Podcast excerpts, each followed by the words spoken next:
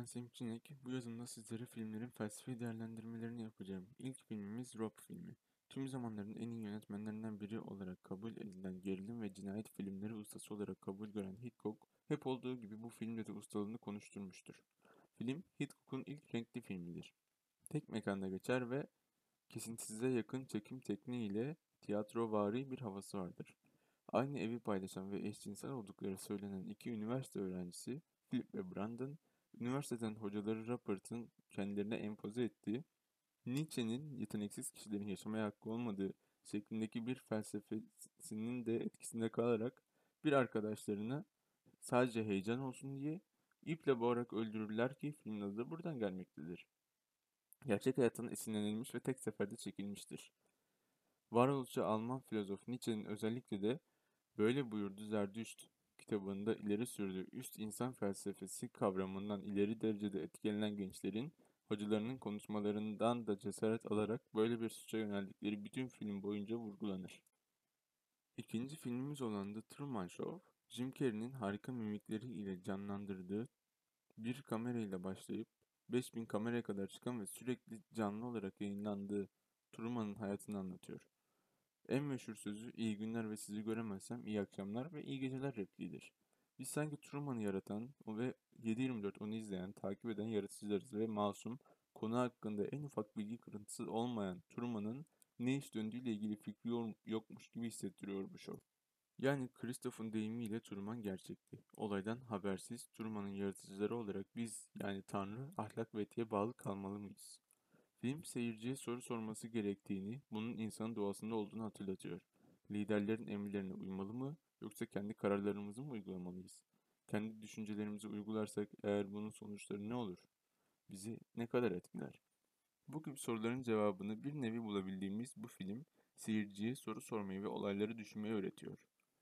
Din felsefesinden de varlık felsefesinden de sorulara yer veren filmin sorunların cevabı için Platon'dan Descartes'e kadar birçok önemli filozofa başvurmuştur. Üçüncü filmimiz olan The Matrix, bu film konunun olmazsa olmazlarındandır. Neredeyse herkes bu filmle ilgili bir, bir fikri olacağını düşünsek de yine de ufaktan bahsetmek gerekir. Keanu Reeves'in başrolünü üstlendiği bu muhteşem filmde karakterimiz Neo, sabah bilgisayar programcılığı yaparken geceleri bilgisayar korsanlığı yani hackerlık yapmaktadır. Bir zaman sonra Neo, Morpheus adında bir adamı aramaya başlar ve bilgisayarına gelen bir mesajla hayatı değişir. Neo, bu adamla tanıştıktan sonra işlerin çok farklı olduğunu anlar.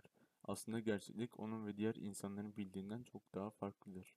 Bu muhteşem film felsefeciler tarafından geliştirilen ve bugün hala akademilerde konuşulan dini ve felsefi teorilere dokunuyor. Platon'un çift bilinç metaforundan tutun Descartes'in kendi için düşünmek yeteneğine değinen bu film mavi hap mı, kırmızı hap mı gibi birçok konuyu kapsıyor.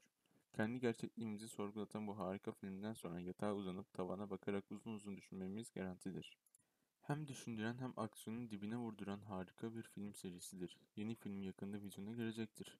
Keanu Reis yine muhteşem oyunculuğunu konuşturacak gibi duruyor. Son olarak dördüncü filmimiz olan Recep İvedik. Evet, şaşkın olduğunu biliyorum. Ben de sizin kadar şaşkınım fakat yabancılar yapar da biz yapmaz mıyız hiç? Recep İvedik, Can Gökbakar'ın oynadığı kimine göre komik, kimine göre saçma ve kaba bir filmdir. Ama derine inecek olursak iş aslında hiç de öyle değildir. Recep İvedik başlı başına bir kinizm örneğidir aslında. Recep karakterimiz tıpkı bir kinik gibi bağımsız ve özgür olmak ister. Bu yüzden işsiz güçsüz takılan, boş gezenin boş kafası denilen biridir. Recep'i iş bulmaya iten herhangi bir neden yoktur. Bu yüzden Recep hayatını yaşıyor ve mutluydu.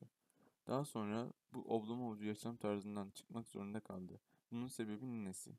Ninesi kapitalizmi temsil eder çünkü çalışıp para kazanmasını ve harcamasını ister.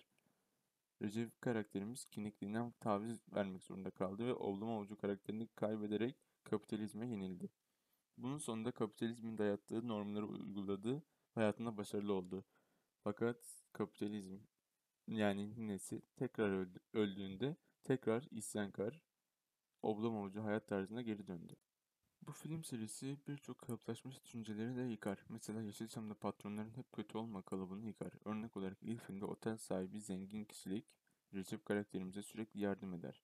Bu yardım eden karakterimizin adı Muhsin Başaran'dır. Muhsin Arapçada iyilik yapan anlamına gelir. Yani bize iyilik yapan başarır gibi bir düşünce vermeye çalışır. Kinizme göre insan kendi kendisine dayanmalıdır ki erdemli, yani kendine yetebilen bir kişi olabilsin. İnsanın doğaya karşı geliştirdiği toplumsallık büyük ölçüde gereksiz ve yozlaştırıcı nitelikler arz eder. Kinikler buna karşı doğal ve sade yaşamı öne çıkartırlar.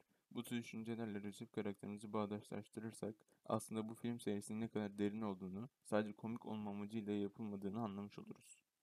Bu düşünceler ile tekrar bir film gecesi yapmanızı tavsiye ederim. Sağlıklı günler dilerim. Beni dinlediğiniz için teşekkür ederim.